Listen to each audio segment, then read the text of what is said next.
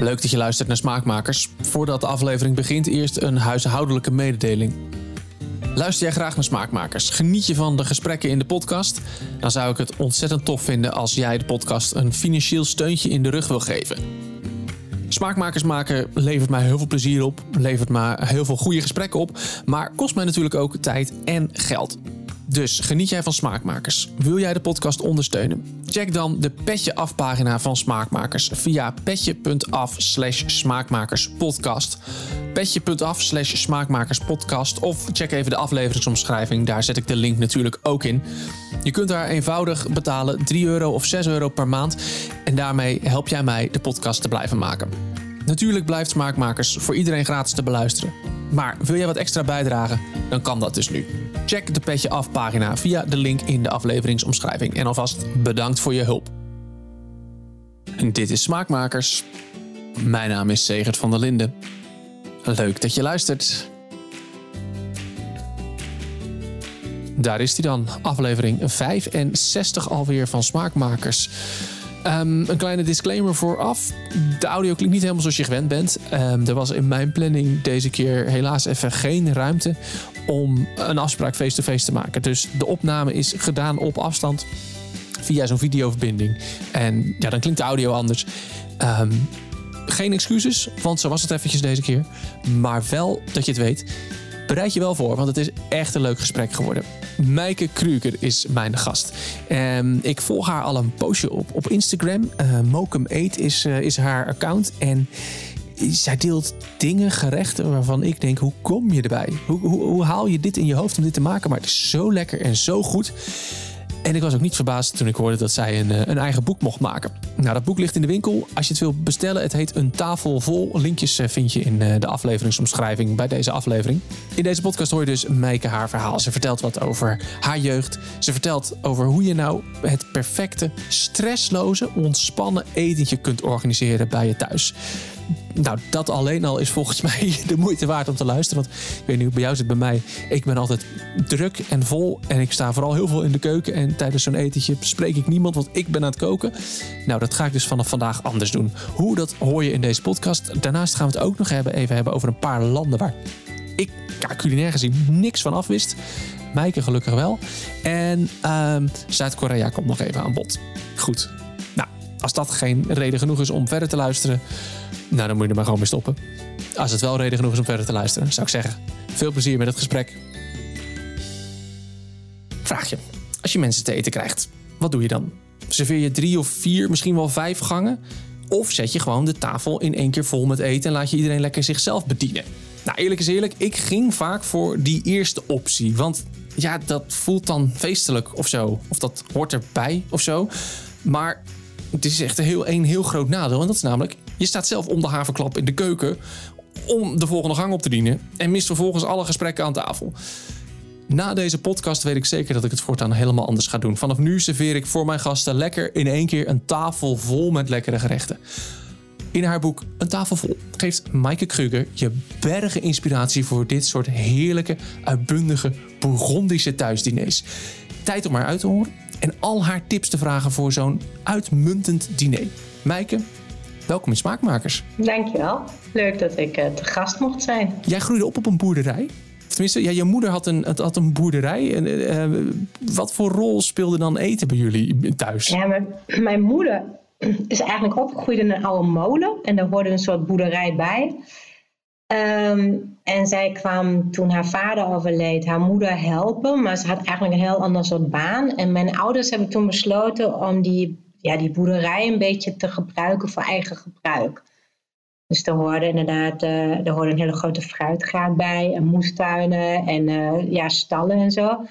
Dus we hadden altijd uh, de dieren die we zelf aten, of het vlees wat we zelf aten, dat, dat, nou ja, dat hadden we op de boerderij. En er hoorden ook best wel veel bossen bij. Dus we gebruikten ook het huid uit onze eigen bossen en we plukten daar paddenstoelen. Ja, mijn ouders hebben dat zelf nooit zo, nooit zo genoemd, maar tegenwoordig zou je dat redelijk zelfvoorziend noemen.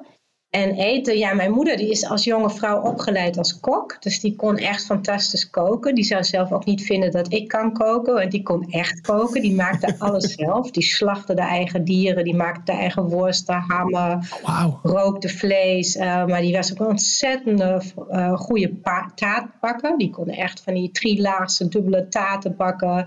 en dan um, eventjes, even, Even, jij, komt jij komt oorspronkelijk uit Duitsland. Dan hebben we het dus over Duitse taarten. Hè? Dat, dat is wel even een. Precies, mijn moeder zou een Nederlandse taart geen taart noemen. Dat nee. zijn cake. Nee, dat bedoel ik. dat bedoel ik. Dat is, dat, is, dat, is, even een vak apart. Ja, ja dat, daar heb je het echt over iets heel anders dan inderdaad wat we hier een taart noemen. Ja. Nou en of, ja. Ja, dit is inderdaad, je zegt zelfvoorzienend. Het is eigenlijk.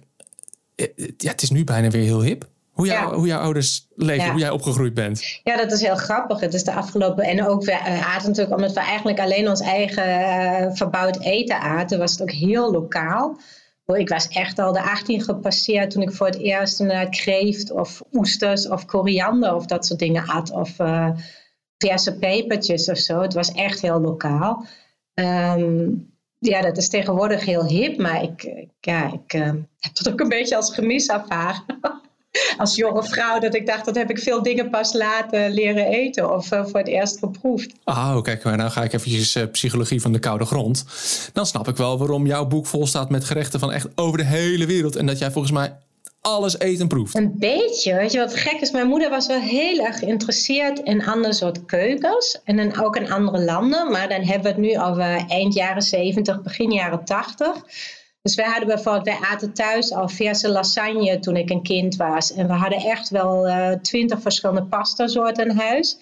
Terwijl toen ik in 96 naar Nederland kwam, had je hier macaroni en spaghetti volgens mij in de supermarkt. Ja, dat denk ik. Ja, ja dat denk ik. Ja, ja. Ik was, dus ik was, dat, dat, was, wel een verschil. Dus ja, dat, dat aten wij thuis. Ja, met zo'n ja, ja, met een saus met tomatenpuree en, uh, en wat Italiaanse kruidenmix. Ja.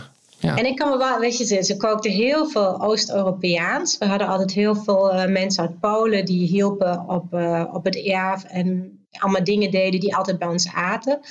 En voor hun kookten ze dan heel veel Oost-Europeaans. En we hebben ook wel eens een Zweedse kerst gevierd, waar alle gerechten uit Zweden kwamen. En een keer een Grieks Pasen, waar ze echt zo'n uh, zo'n Griekse paastaat heeft gemaakt. Zonder dat mijn moeder ooit in een van die landen is geweest. Dus in zekere zin was zij voor haar doen ook wel geïnteresseerd in, in uh, buitenlandse keukens. Maar ze had bijvoorbeeld altijd het idee dat zij geen Aziatisch eten lustte. Zonder dat ooit van haar leven gegeten te hebben. Maar ik vind dat wel leuk. Dus dat, dat ja, weet je, ja, ik, ik ga dan, denk dan gelijk, ik leg gelijk de link met je boek. Ik denk, ja, dit, dit doe jij ook. Dit is wat jij met jouw boek ook doet. Jij zet ook gewoon een tafel vol met eten uit allerlei landen. Frankrijk, India, Rusland, Georgië. Nou, kom er zo, haal ik er nog een paar uit. Maar dit is wat jij ook doet als jij een dinertje geeft. Je kiest een land en dan ga je ervoor. Wij deed het nog wel een gang hoor. Ze had dan nog wel inderdaad altijd een voorgerecht en een hoofdgerecht en een, een nagerecht. Um, maar klopt, ja. Ja, jij bent daar helemaal van afgestapt. Ik bedoel, sterker nog, jij zegt eh, in, je, in, in, in het begin van het boek zeg je, daar moeten, daar moeten we maar eens vanaf voor thuisdineetjes, niks. Uh, hoe heet dat? Service Russé is de is, is, ik, haal ze, ik haal ze een beetje door elkaar. Jij weet dat beter dan ik. À la Rus is eigenlijk zoals je dat in een restaurant deed. Dus dat ezelsbruggetje is de eer, Rus en restaurant. Oh ja, ja, ja, kun je het goed onthouden. En à la Française is eigenlijk uh, hoe, hoe dat voorheen ook werd gedaan. Hoe mensen thuis kookten omdat dat opdienen gangen, dat was eigenlijk iets wat pas opkwam toen de eerste restaurants ontstonden. Omdat het voor een restaurantkeuken makkelijker was om het zo op te dienen. Uh, maar daarvoor was dat eigenlijk met zo'n grote staatsbanketten was het juist heel populair om je hele rijkdom uit te stallen. En zo'n hele tafel vol te zetten in de hoop dat iedereen heel onder de indruk was van wat je allemaal had gekookt. En dat is natuurlijk ook heel leuk met zo'n tafel vol. Het staat onwijs gastvrij. En het, eh, het is heel indrukwekkend, want die hele tafel staat inderdaad vol met eten. Ja, ik heb het hier in de podcast ook wel eens vaker gezegd. Maar uh, als, je, als, je, als je een tafel vol met bakjes zet, met, met schoteltjes en kommen. En het, het, ook al is het heel makkelijk geweest, het lijkt net alsof je er gelijk alsof je er heel veel moeite in en tijd in hebt gesteken ook of zo. Dat, dat werkt gewoon heel goed. Het, het laat gelijk zien van kijk, dit heb ik allemaal gedaan. Hey. Precies. En mensen vinden denk ik, het is niet van niks toch, dat ook van die metse tafels of die tapas of zo, dat dat altijd heel populair is geweest, ook in, uh, in Nederland, omdat het natuurlijk ook wel heel gezellig is. Dat je gewoon uh, urenlang aan tafel zit en uit, van allemaal verschillende gerechten mag proeven. Ja, ja het is wel grappig. Je zegt het is, het is gastvrij. En, en wat extra uh, gastvrij is, denk ik, dat je mensen niet in verlegenheid brengt. Weet je, dat gewoon mensen niet meer hoeven te zeggen dat ze iets niet lusten of eigenlijk niet zo lekker vinden of te pittig vinden. Dat je gewoon uh, heel uh, ja, vanzelfsprekend kunt opscheppen wat je zelf lekker lijkt. En niemand heeft het door dat je uit die ene bak drie keer iets hebt genomen en uit die andere niks. Tenminste, ik hou dat niet bij. Nee, op helemaal. Nee, en, en, en je kunt ook, kijk, als je eens een keer iets maakt waarvan je denkt, nou, uh, weet je, er staan best wel wat, uh, staan een aantal tofu, tofu gerechten in. Ik ben niet zo'n fan van tofu. Maar ik weet wel dat als jij, stel jij zou voor mij koken en er zou, zou een tofu gerecht bij staan. Ik zou het wel even proberen. Dus het maakt heel makkelijk om iets te proberen wat je niet kent. Of waarvan je denkt, nou, ik weet niet of ik het lekker vind. Maar weet je wat? Ik schep een klein beetje op. We zien wel of het lekker is. Ja, er staat ook eigenlijk bij ieder hoofdstuk en bij ieder tafel vol staan ook wel, er staat altijd één of twee gerechten staan die wat ongebruikelijker zijn. Of die mensen nog niet zo goed kennen ook vanuit het idee, het moet eigenlijk als een soort avond weg voelen. Alsof je even in een ander land bent, echt als een reis. Waar je ook af en toe dingen proeft waarvan je helemaal niet weet of je ze lekker vindt of of je ze ooit hebt gegeten. Of, uh, ja, ja, en, en, en ja. hoeft het dan niet te bestellen in een restaurant waarvan je denkt, nou, ik weet niet of ik het lekker vind, ik moet er wel voor betalen. Nee, je kunt het dan gewoon lekker proberen. Ja, dat is, dat is, dat is ook leuk, ja. En ik neem niet het risico dat ik een hele gang serveer met tofu, terwijl vijf van de zes mensen geen tofu ja, lusten. Ja, ja, ik zie eigenlijk, ik, ik, waarom, zijn we, waarom zijn we dat thuis eigenlijk gaan doen? Ja, we zijn natuurlijk een beetje restaurantje gaan spelen of zo thuis. Dat is natuurlijk een beetje, je wil eigenlijk een beetje je lievelingsrestaurant nadoen of zo. Dat is een beetje het idee. Ja, met als verschil dat je geen restaurantkeuken hebt met complete bediening. Nou, en dat jij eigenlijk de hele avond in de keuken staat. Dat vind ik eigenlijk het grootste gemis. Dat je aan nooit. Ik, ik ontspande altijd pas op het moment dat het dessert op tafel kwam. Want dan had ik alles gedaan. Dan was alles wel of niet gelukt. En, ik hoefde niks meer. En uh, nu heb ik dat eigenlijk vanaf het moment dat het eten begint, hoef ik niks meer te doen. En kan ik inderdaad meepraten en horen hoe het met mensen gaat. En uh, ja. En met kinderen is dat ook leuk, zo'n tafel vol. Want de meeste kinderen houden eigenlijk niet van stilzitten. Dus uh, die kunnen gewoon even de eerste tien minuten aanschuiven, mee eten en dan weer doen waar ze zin in hebben. Terwijl jij met z'n allen kunt blijven zitten en rustig eten. Wel bij het idee dat je echt zo'n maaltijd met gangen opdient, dan, ja, dan zouden veel mensen zich toch ook verplicht voelen om hun kinderen aan tafel te Ja, ja. Dat... Waarvan je kunt afvragen van hoe leuk dat voor iedereen is. is voor niemand leuk, kan ik je vertellen. Nee hoor, nee, dat is voor niemand leuk. Nee, en, en daarbij, kinderen zijn natuurlijk ook, uh, tenminste, dat heb ik met mijn kinderen een beetje, die zijn soms best wel lastige eters. Um, en dan heb je denk ik nog veel vaker dat er een gang tussen zit van zeggen, nee, lust ik niet zo. Um, terwijl, ja, weet je, het is heel makkelijk om één of twee dingen op tafel te zetten van je weet, nou, dat eten de kinderen waarschijnlijk wel. Uh, en, en dan de rest is dan lekker, daar kunnen de volwassenen van genieten. En dan hebben zij ook iets op hun bord. Ja. Het is wel, en dat vind ik wel weer leuk. Jij, ja, ik ga jou nu als ervaringsdeskundige. Uh, uh, jij wordt de deskundige nu, hè? dat begrijp je. Dat is nu jouw rol in deze podcast geworden. Ja, want um, het is ook altijd best wel een uitdaging. Zo'n dinertje voorbereiden en uitwerken, koken. Um, jij bent nu dus de deskundige, dus ik ga jou vragen: kun jij mij eens meenemen? Hoe doe jij dat in zo'n zo'n voorbereiding? Stel je krijgt vanavond, je hebt vanavond zes man te eten. Uh, wat heb je dan de afgelopen, hoe heb je dat al voorbereid? Nou, wat ik sowieso altijd doe, ik ga ruim van tevoren ga ik gewoon bedenken vaak wat ik allemaal wil koken. En dan, maak ik, dan zorg ik gewoon dat er voldoende gerechten zijn, zodat iedereen uit minimaal vier, vijf uh, gerechten kan kiezen uitgaande dat tegenwoordig toch op zijn minst altijd één vegetariër aan tafel zit, één iemand die geen kaas lust, één iemand die geen varkensvlees eet, uh, één iemand die veganistisch eet, uh, mensen die uh, geen potjes eten of geen dieren met kop en staart. Dus ik wil dat gewoon voldoende eten op tafel staat. En ik, ik, ben bij dat, ik heb een heel goed geheugen. Ik weet van al mijn vrienden en kennissen wat ze wel of niet lusten tot op die tijd. Dat onthoud ik gewoon.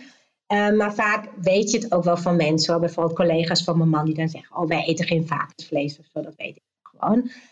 Um, dus op basis daarvan bedenk ik wat ik ga koken. Dat zijn allemaal gerechten uit één land. En als ik bijvoorbeeld, als het een land is zo, uh, waar bijvoorbeeld heel veel vleesgerechten zijn, dan verzin ik vaak ook nog wat vegetarische gerechten of leuke gerechten die daarbij passen.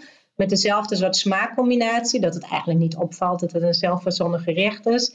Bijvoorbeeld stel je gaat met z'n allen tacos maken en eten, dat ik dan wel extra vegetarische vullingen bedenk of zo.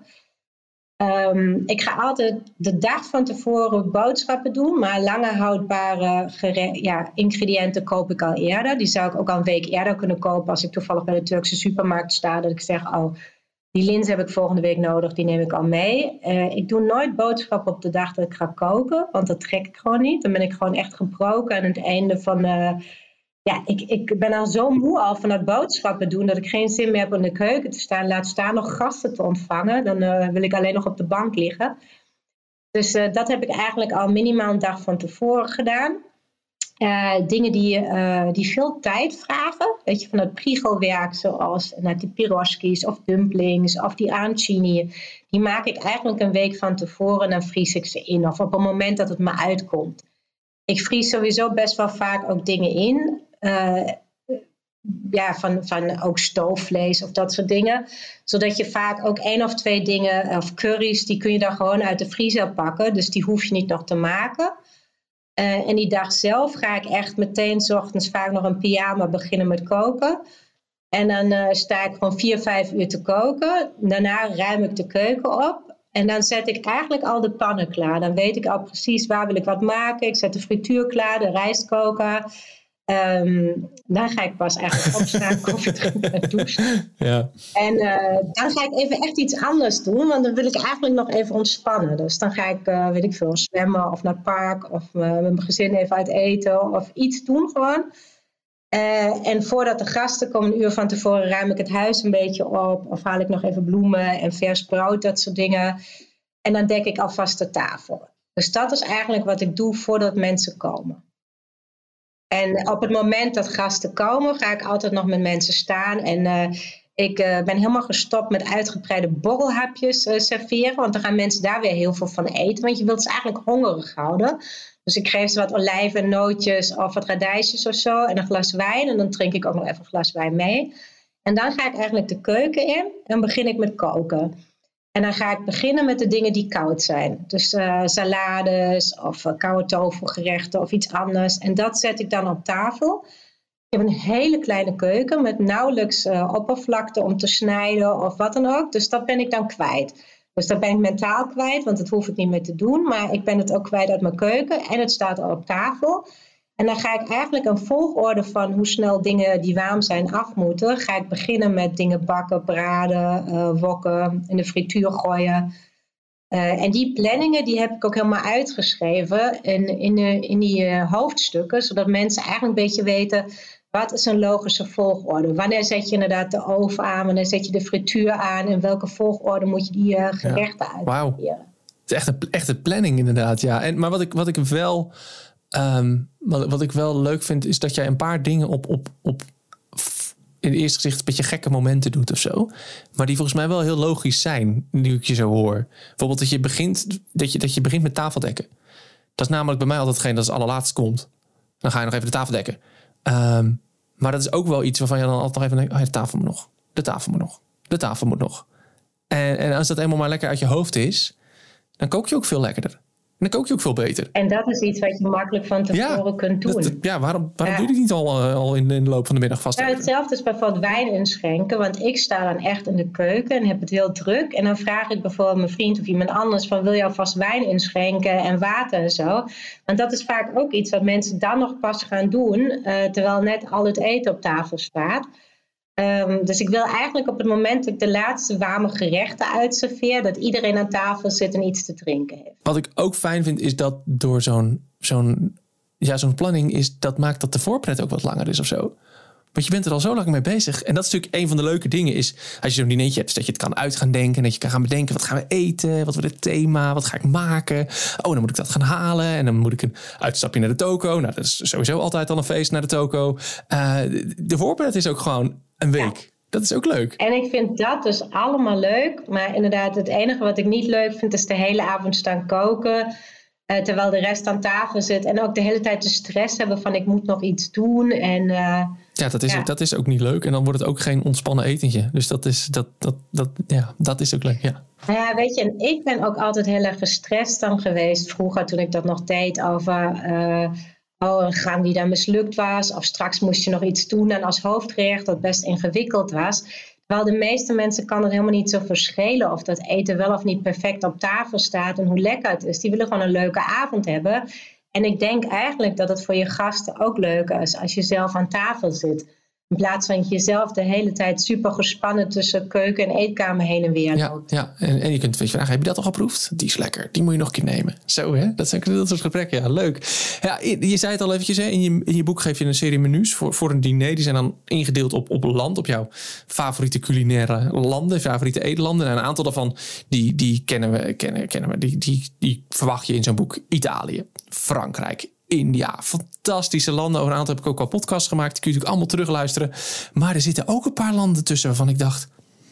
Hier weet ik nou helemaal niks van. Oprecht. Van, tenminste, van het land misschien wel. Maar van, de, van het eten van dat land... Geen idee. Dus ik dacht... Die wil ik even met jou bespreken. Um, en dat begon bij mij bij toen ik Georgië zag staan. Hoe... Hoe? Hoe, hoe is dat gebeurd? Ja, ik heb dat... Um ik uh, heb dat um, voor het eerst een keer gegeten in, uh, in, op een reis naar Rusland, echt meer dan twintig jaar geleden. Toen had ik een soort lijstje gemaakt, want ik wilde, in alle, ik wilde alle restaurants bezoeken waar ze keukens van de verschillende landen uit de voormalige Sovjet-Unie hadden. Ik had een lijst, ik wilde naar Oezbeeks restaurant, naar Kirgizisch, Armeens, Azerbeidzjaans en Georgisch restaurant. En de Georgische keuken is enorm populair in Rusland. Uh, ook omdat Stalin Georgië was, maar ook omdat het gewoon, het was gewoon altijd het vakantieland van de voormalige Sovjet-Unie. Het was een beetje ons Italië, waar je gewoon naartoe ging om lekker te eten naar de stranden. Dus je hebt heel veel Georgische restaurants. En toen ik dat voor de eerste keer at, was ik echt, nou, ik was gewoon echt verbijsterd over die smaakexplosies en de hoeveelheden verse kruiden en pepertjes en knoflook en noten en granaatappelpitten en wat er allemaal ingingen van die prachtige broden gevuld met kaas en een enorme saslik met peperpas. Het was dan zo uit echt dat je dacht, wauw, wat gebeurt er? En die Georgische wijnen. En toen heb ik op die reis nog heel veel Georgisch gegeten.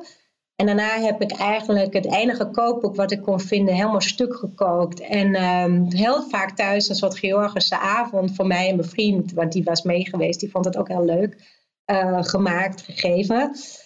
En iedere keer als ik ergens op de wereld toevallig een uh, Georgisch restaurant tegenkwam, zoveel zijn dat er niet, heb ik daar uiteraard gegeten. Um, want het was heel lang heel moeilijk om naar Georgië te reizen, omdat het een tijd heel onrustig was, heel corrupt, gevaarlijk, veel criminaliteit. En toen ben ik zes jaar geleden voor het eerst daar echt geweest om het allemaal te proeven. En dat was inderdaad echt een feest. Ja. Dan denken mensen, mensen denken altijd, ja, is het dan niet heel anders dan in je hoofd? Maar dat valt best wel mee, want dat is natuurlijk het leuke aan een goed kookboek, geschreven door iemand uit het land zelf. Dat je echt, uh, als je gewoon die recepten volgt, thuis iets neer kunt zetten wat behoorlijk lijkt op het eten in het land zelf, zonder dat je er ooit geweest bent. Ja, dat is natuurlijk juist het mooie van zo'n, van zo'n boek. Van zo'n, zo'n culinaire reis eventjes in je, in je eigen keuken. Dat is, dat is het mooie ervan. Want, want het grappige, ik, ik zag Georgië staan. En nou ja, dan ga je even, even, ga je even mentaal eventjes, wat weet ik van Georgië, naar, het Oostblok, Sovjet-Unie. Uh, dan denk je aan een keuken die, die zwaar is, die stevig is, die stevige kost. Maar het is natuurlijk een land, de Sovjet-Unie was natuurlijk zo immens groot. Het, het ligt natuurlijk vrij zuidelijk. Het was dus, het zuidelijke, eh, zuidelijke, even zuidelijke staten was het natuurlijk. Dus dat, dat heeft natuurlijk ook heel veel invloed op zo'n keuken. Dat, dat jij dan zegt, ja, na het verse kruiden, noten, granaatappels. Uh, dat, dat, is een heel ander iets dan je zou verwachten of zo bij een, bij een voormalige Sovjet-republiek. Het is eigenlijk Ottolenghi. Ottolenghi kwam pas werd oh, ja. veel later populair. En ik weet nog dat ik dat eerste boek, toen dat zo'n hype was, zag. En ik dacht, oh, maar dit is gewoon Georgisch. Ja. Volgens mij heb ik ook ooit ergens gelezen dat die Georgische oma had of zo. Dus dat zou zomaar kunnen dat het oh, dat hem ook heeft beïnvloed. Ja. ja, ja, ja, ja. Ja, en natuurlijk al die, die, die, landen liggen dan bij elkaar. Dus dat zit natuurlijk altijd, ja, altijd die invloeden. Te gek, ja, te gek. Ja, ik, dat, dat was echt een land waarvan ik dacht... Toen ik ook de, de recepten zag, was ik gewoon echt... Ik was echt verrast, inderdaad. Ja, wat had ik nooit verwacht. Dus dat zou wel eens een, een ding kunnen zijn... waar ik eens even wat uit ga koken binnenkort. Uh, dat lijkt me wel leuk. Um, nou ja, we noemden hem ook al. Uh, Rusland staat er ook tussen.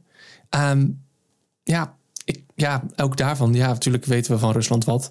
Um, wodka, borst. Maar het is ook, ja, ook, Rusland is natuurlijk zo groot. Er is nog veel meer waarschijnlijk. Ja, kijk, de Russische keuken is natuurlijk uh, eigenlijk... Um, niet een uh, keuken die heel erg tot de verbeelding spreekt. Hè. Het was natuurlijk ook heel lang gewoon een land waar heel weinig te verkrijgen was. Is een hele boerse keuken. Je kookt heel veel met uh, groenten uit je eigen moestuin. Je legt veel dingen in, uh, omdat je lange winters hebt. Je eet heel veel aardappelen, veel mayonaise, van die zware salades. Um, en dat is bij mij eigenlijk, en ik heb altijd al een fascinatie voor die Oost-Europese keuken gehad, ook een beetje door mijn moeder. Ik ben altijd door die Sarenkeuken gefascineerd geweest, heb er veel over gelezen. En ik had een zwak voor Russische literatuur en uh, je Pushkin en al die dingen. En uh, ja, en muziek. En ik wilde daar heel graag een keer naartoe. Ik was gewoon gefascineerd door het land zelf. En daardoor ben ik eigenlijk Russisch gaan koken. Uh, lang voordat ik ook ooit in Rusland was. Gewoon meer van wat is dan typisch Russisch. En heb dat soort dingen geprobeerd te maken. Um, maar het is denk ik niet een keuken waar de meeste mensen die daar een keer zijn geweest zeggen: Oh, wat is dat nou lekker? En het grappige was juist, ik heb heel veel modernere gerechten ook geprobeerd te bedenken of met een twist. Dat um, de, mijn, de hele team waar ik het boek mee heb gemaakt, die dachten echt: Oh, wat is dat dan Russisch eten? Een beetje morsig en past niet lekker. En die vonden eigenlijk die Russische tafel het meest fantastisch. Mijn redacteur heeft echt die bietensalade, denk ik, twee keer of drie keer per week gegeten sinds wij uh, het kookboek gemaakt hebben. Ja. Vet, wat cool. Ja, dat is, het is natuurlijk inderdaad, ja, het, het, het, ja, het, het, het voelt, ja, het is vast een vooroordeel of zo, maar het voelt inderdaad niet als een hele spannende keuken of zo. Inderdaad, een beetje, ja, ik, ik, ik denk, als ik aan denk aan Russisch eten, denk ik al gauw aan de kleur grijs of zo. Uh, op de een of andere manier komt er dan mijn En dan had die fotograaf ook heel erg. Ja, Maar dat is het niet. Dat is, als je kijkt ook naar de, naar de foto in het boek, het is een van de meest mooie plaatjes geworden van, uh, van het hele boek. Het is super kleurrijk en er zit super veel in. En, natuurlijk ook heel veel van die, van die ingelegde dingen. Je zegt dat, is, dat was natuurlijk, en dat, dat is natuurlijk al een soort noodoplossing. Maar dat is wel super lekker. nou, en zij hebben eigenlijk wat, je, wat, zeg maar, wat de, de Spanjaard heeft de tapas bij. Dat is hun hapje bij het drankje. En je hebt die metse tafels Midden-Oosten. En de Rus heeft de zakuski tafel. En dat is eigenlijk zo'n tafel vol met koude hapjes, gerookte vis, ingelegde groenten. En dan neem je bij ieder slok vodka neem je eigenlijk een hapje van een van die gerechten met een stuk roggebrood. Om niet te snel dronken te worden. Dus, en dat, dat is, dit is ook een uh, tafel vol die je heel makkelijk neer kunt zetten voor zo'n hele avond. Bijvoorbeeld bij een feestje waar mensen gewoon binnenkomen en weer weggaan. Het zijn bijna allemaal koude gerechten. Een goede, goede borreltafel is het, uh, is het eigenlijk, uh, zouden we het hier zeggen. Ja, tof.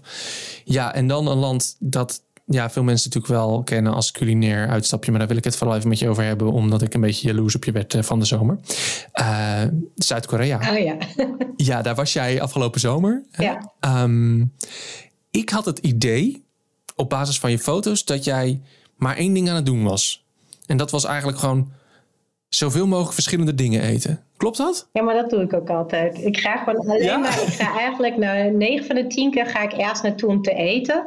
Op basis daarvan zoek ik eigenlijk, kies ik zo'n land uit. Omdat ik dan echt uh, heel veel over die keuken wil weten. En dan probeer ik daar altijd kookcursussen te doen. En ik bezoek eigenlijk de hele dag door markten of weet ik veel producenten van bepaalde producten. En ik eet eigenlijk de hele dag. Ik, uh, dat is echt serieus werk. Zalig, maar wat een, wat een heerlijke vakantie. Ja, maar het zag er ook echt. Ja, het, zag er ook allemaal. Ja, het, is natuurlijk Zuid-Korea, is natuurlijk zo'n land. Hij staat bij mij ook wel op een lijstje om eens een keer heen te gaan. Om gewoon te eten. Dat is eigenlijk hetgeen wat je moet doen, volgens mij. Maar, maar, maar ja, het, het is vast heel veel. En ik ga een onmogelijke vraag stellen, maar ik ga het toch doen. Kun je eens een paar dingen noemen die eruit sprongen? Dingen die je gegeten hebt. Um, nou, ik vond bijvoorbeeld, ze hebben natuurlijk een soort vorm van, van sushi, hè, maar dat heet dan gimbap. En dat maken ze heel vaak met allemaal ingelegde, gefermenteerde groenten. Dat vond ik ontzettend lekker. Terwijl ik sushi zelf vind wel af en toe lekker, maar dat is niet mijn, mijn favoriet gerecht, zeg maar. Um, ik krijg op een gegeven moment, dat is ook altijd heel leuk, mijn volgers die leven altijd enorm mee. Dus die sturen me dan dingen die ik van hun moet eten. Dus op een gegeven moment zei een van de volgers die ik ook heel, heel graag mag, die zei, wil je alsjeblieft in sojasaus gemarineerde rauwe krab eten? Want dat, is, dat schijnt heel lekker te zijn. En zij was er nog nooit geweest, maar zij had altijd over dat gerecht gelezen. En dat was inderdaad ook heel lekker. Het smaakte bijna als een soort zeeegel. Heel mooi gerecht. Wauw. Eh, en je krijgt eigenlijk bij alle maaltijden krijg je iets van uh, nou ja, 12, 13 verschillende soorten kimchi of gefermenteerde groenten. Ontzettend lekker, heel verschillend qua smaak en structuur. Dus daar raak je ook echt verslaafd aan. Veel lekkerder dan de kimchi-achtige dingen die je hier krijgt. Ehm, en ik heb uiteindelijk op het nippertje een uur voordat ik het vliegtuig inging, um, die levende octopus gegeten. Levende octopus? Want ik twijfelde, ja, dat is een soort gerecht wat, wat, wat heel populair is, wat daar echt op ieder straathoek te verkrijgen is en wat, wat mensen echt heel veel eten. Dat zijn kleine baby octopussen, eigenlijk een beetje groter dan, dan ja, ergens tussen een baby en een volwassene in. En die halen ze uit een aquarium en dan snijden ze die in stukjes of hakken die in stukjes. En dan eet je hem op terwijl die tentakels eigenlijk over je bord krioelen met sesamolie en sesamzaad. Ja. En ik twijfelde heel erg of dat wel of niet. Ik twijfelde gewoon zo of die octopus nog wel of niet er iets van merkte. Dus ik wilde natuurlijk niet meedoen aan dierenmishandeling. Um, hij is natuurlijk officieel dood, maar ja, dat, zijn altijd, dat is altijd de vraag bij octopus: wat voelt hij nog? En mijn dochter was ook heel bang dat ik ging stikken. Mhm omdat daar ieder jaar twee, drie mensen stikken aan, aan zo'n levend octopus tentakel. Want die zuigt zich dan vast in je keel. Dus we, we, hebben uiteindelijk een video gemaakt hoe ik het eet. Waar je mijn dochter de hele tijd hoort roepen. Mama, goed kauwen, goed kauwen. maar ik, uiteindelijk echt, echt een uur voordat we naar het vliegveld moesten. Dacht ik, ja, ik kan toch niet weggaan en dat niet geproefd ja, hebben. Ja. En, en, en wat, en was het ook lekker? Was, eh, zou je het nog een keer doen? Nee, het smaakt naar rauwe octopus. Dus waarom zou je dat eten? Dat is vooral vrij tij en uh, smaakneutraal. Ja, dat is grappig. Ja, dat is, ik, ik heb uh, pas nog een boek van Anthony Bourdain zitten lezen. En daar vertelt hij over dat hij... is dat de kogelvis? Dat is die die, die dood oh, die je pan kan eten. Die, hè, die mag maar op één manier. Die, dan moet je een officiële certificaat van de overheid hebben. Dan mag je hem klaarmaken. En als je hem verkeerd klaarmaakt, dan ga je gewoon dood. En uh, hij ging dat ook eten. En uh, dat was natuurlijk ook een best wel een ding. Want nou ja, dat, ja, als het verkeerd klaar Maar ook daar overlijden mensen aan het eten van die vis. En hij zei, ja, het smaakte eigenlijk nergens naar. Het was helemaal niet zo lekker. Waarom is dit Als je een niet dood zou kunnen gaan, zou niemand het eten. Zou niemand het eten, ja. ja. Nou ja, dat. En dat denk ik dat dat met dit misschien ook wel is. Dat het niet zo'n gek iets is op je bord dat zo lekker heen en weer swiepert. Dat, je dat, dat niemand het meer zou doen of zo. Maar ze eet het zelf echt, ik denk wel heel erg voor dat mondgevoel. En juist ook oh, dat, dat die tentakels wel een beetje vastzuigen. Dat vinden, daar zijn hier honderden films van. Ook mensen die zo'n levende octopus eten en zo. Het is echt uh, iets heel Koreaans, ja. Ja, ja. ja, dat mondgevoel. Dat is natuurlijk, ja, dat je dat zegt, dat, dat is natuurlijk, dat, dat, daar zijn wij West-Europeanen, zijn wij, daar, daar zijn wij nooit zo mee bezig of zo. Maar dat is daar natuurlijk, in, in Aziatische landen is dat natuurlijk veel meer um, een soort extra smaakbeleving of zo. Ja, ze hebben ook een soort fantastische antikata soep. Dat, we, dat staat ook echt op zondagochtend dan op het menu. En dat is een hele pittige soep met heel veel ingewanden in. Dus stukjes daam en pens en eigenlijk echt ontzettend lekker. Ja, de, ik denk de gemiddelde Nederlander zou dat niet uh, als ontbijt willen met een kater. Maar echt eigenlijk heel erg lekker. En dan zit dat orgaanvlees zit er ook echt in, want het smaakt eigenlijk naar niks. Alleen voor die verschillende structuren. Ja. Omdat pens weer een heel ander soort mondgevoel geeft dan een daam of een stukje hart of nier. Cool. Maar het was ook heel lekker. Eigenlijk was alles lekker. Ik ben eigenlijk bijna nog nooit in een land geweest waar ik zo lekker non-stop heb gegeten. Cool. En je hebt dus een, eh, en zag ik ook een kimchi workshop gedaan dan. Dat is dus dan een van die kookworkshops die je doet met een kimchi workshop. Ja. ja. Wat, wat, wat heb je geleerd over goede kimchi maken? Nou, kijk, wat, wat, wat ik dan. Ik ben, ik ben ook vrij pragmatisch. En ik wil altijd zo min mogelijk werk en zoveel mogelijk resultaat. Dat zie je in het kookboek ook heel erg uh, terug. Ik heb dingen ook heel erg vereenvoudigd. Als ik vond dat dat kon, met dezelfde smaaksensatie. Uh, en met die kimchi, we hebben toen echt zes soorten kimchi gemaakt. En voor mijn gevoel ging bijna in alle soorten gingen dezelfde ingrediënten. Uh, bijvoorbeeld die uh, nou, anchovissaus mm. of sesamolie of die, die Koreaanse pepertjes en die peperpastas. Maar dat luisterde dus heel nauw. Ik zou zelf eigenlijk geneigd zijn om dat dan allemaal te mengen en dat dan bij al die verschillende soorten groenten te doen. Maar dat was echt, echt bijna wetenschap gewoon. Per oh, lepel ging ieder, overal ging net een andere hoeveelheid in. En die groenten werden net op een andere manier behandeld en ingevreven. Maar wat ik heel interessant vond, is eigenlijk dat je twee soorten kimchi hebt. Je hebt zeg maar die langhoudbare kimchi, hè, die, die vroeger gewoon een naaier werd ingemaakt. Een manier om groenten te conserveren. En die een half jaar of een jaar later eten. Die een hele sterke, heftige smaak heeft. Hè, heel gefermenteerd is. Mhm. En je hebt dus kimchi, die maak je eigenlijk op zondag. Uh, dan maak je drie, vier soorten. En die eet je dan de hele week door. Bij ieder gerecht. En dat is eigenlijk meer een soort frisse salade. Want dat is natuurlijk dan nauwelijks of heel licht gefermenteerd. En dat heeft weer een hele andere smaak. Uh, leuk. Dat wist ik bijvoorbeeld zelf niet. Nee. En dat is ook heel haalbaar om thuis te doen ja, die vrouw eh, zelf zei wel dat Koreanen dat steeds minder doen. Omdat tegenwoordig ook bijna alle Koreaanse vrouwen werken. En je kunt dat op ieder straathoek, kun je dus uit honderden soorten kimchi kiezen en die mee naar huis nemen s'avonds. Dus dat het ook een beetje aan het uitsterven is. Dat je vroeger had je ja. kimchi dacht dat ze met het hele gezin en met de hele familie kimchi maakten. Voor het hele jaar. En ze zegt tegenwoordig doen dat meestal de grootouders. En die geven die potten dan door aan hun kinderen die te druk hebben om zelf kimchi te maken. Ja, ja, ja. Ja, maar het is meer, ik, ik denk dan, ja, ik snap ook wel dat je niet elke zondagavond uh, altijd zin hebt om inderdaad in de keuken te gaan staan om uh, drie soorten kimchi te gaan maken. Maar het is wel leuk, dat, dit is wel iets om eens een keer te maken. En inderdaad, uh, als je jouw Zuid-Koreaanse hoofdstuk gaat koken, dat je dan dus ook een aantal van, van dat soort kimchi's op tafel kan zetten. Echt ja, en ze eten geen andere groenten. Dus ze eten eigenlijk alleen maar die, die vijf, zes, zeven, acht, negen soorten gefermenteerde hapjes oh, erbij.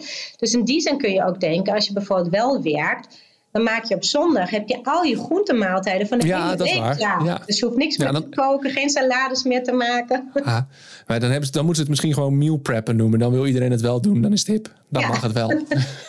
dat, dat, dat, dat, misschien is dat wel de oplossing, ja. Nee, maar wel echt, echt leuk. En, en leuk ook dat, want eh, mijn, mijn vrouw is niet zo heel erg fan van heel veel gefermenteerde dingen. Dat, dat, dat, dat, nou ja, dat heeft toch altijd een beetje bepaald smaak. Maar ik denk dat dit wel een leuke manier is om toch eens een keer keertje te proberen. Dat is een leuk uh, soort, uh, soort uh, instapmodel of zo. Ja, en ook kindvriendelijk hoor. Voor kinderen is het natuurlijk ook een hele heftige smaak. Ja. En wat zij bijvoorbeeld ook zegt, Koreanen gebruiken die, die echte kimchi, die, die ze dan een, of die, die lang gefermenteerde kimchi, gebruiken ze om te koken. Dus die eet je helemaal niet puur. Die oh, gebruik je in een kimchi pannenkoek of met kimchi rijst. Of uh, als je iets pakt en dan krijgt het ook een hele andere smaak. en juist die vers ingelegde kimchi die je net op zondag hebt gemaakt, die eet je puur bij je eten. Dus ik denk dat wij vaak ook de fout maken dat we die lang gefermenteerde kimchi dan zomaar eten. Terwijl veel mensen, Koreanen vinden die vaak ook veel te sterk uh, qua smaak om die zomaar te eten. Dit is Smaakmakers. Mijn naam is Segert van der Linden en je luisterde naar mijn gesprek met Meike Kruger over haar boek Een tafel vol. Een tafel vol is nu te bestellen. Hij ligt in de winkel. Je kunt hem natuurlijk gewoon uh, kopen in je lokale boekhandel uh, of bestellen. Check even linkjes in de show notes. Over twee weken, dan is Smaakmakers te weer. Dan ga ik het hebben over koffie. Ik heb een van de beste barista's van ons land weten te strikken. Ik mag bij hem langs gaan om al mijn vragen te stellen over hoe je nou thuis de perfecte kop koffie zet. Marijn Gijsbers is zijn naam en ik hoop dat ik na die podcast elke ochtend perfecte koffie kan zetten. Goed, de lat ligt verder helemaal niet hoog hoor. Dat lijkt me zo. Um, voor de rest, wil je smaakmakers steunen? Dan kan dat nog steeds via petjeaf.com slash smaakmakerspodcast. Ik heb ook al besloten dat ik met Marijn een bonusaflevering van de podcast ga opnemen. Dus um, die krijg je ook over twee weken. Ja, heb ik nog meer te vertellen? Ik denk het niet. Over twee weken nieuwe smaakmakers. Hopelijk ben je er weer bij. Tot dan!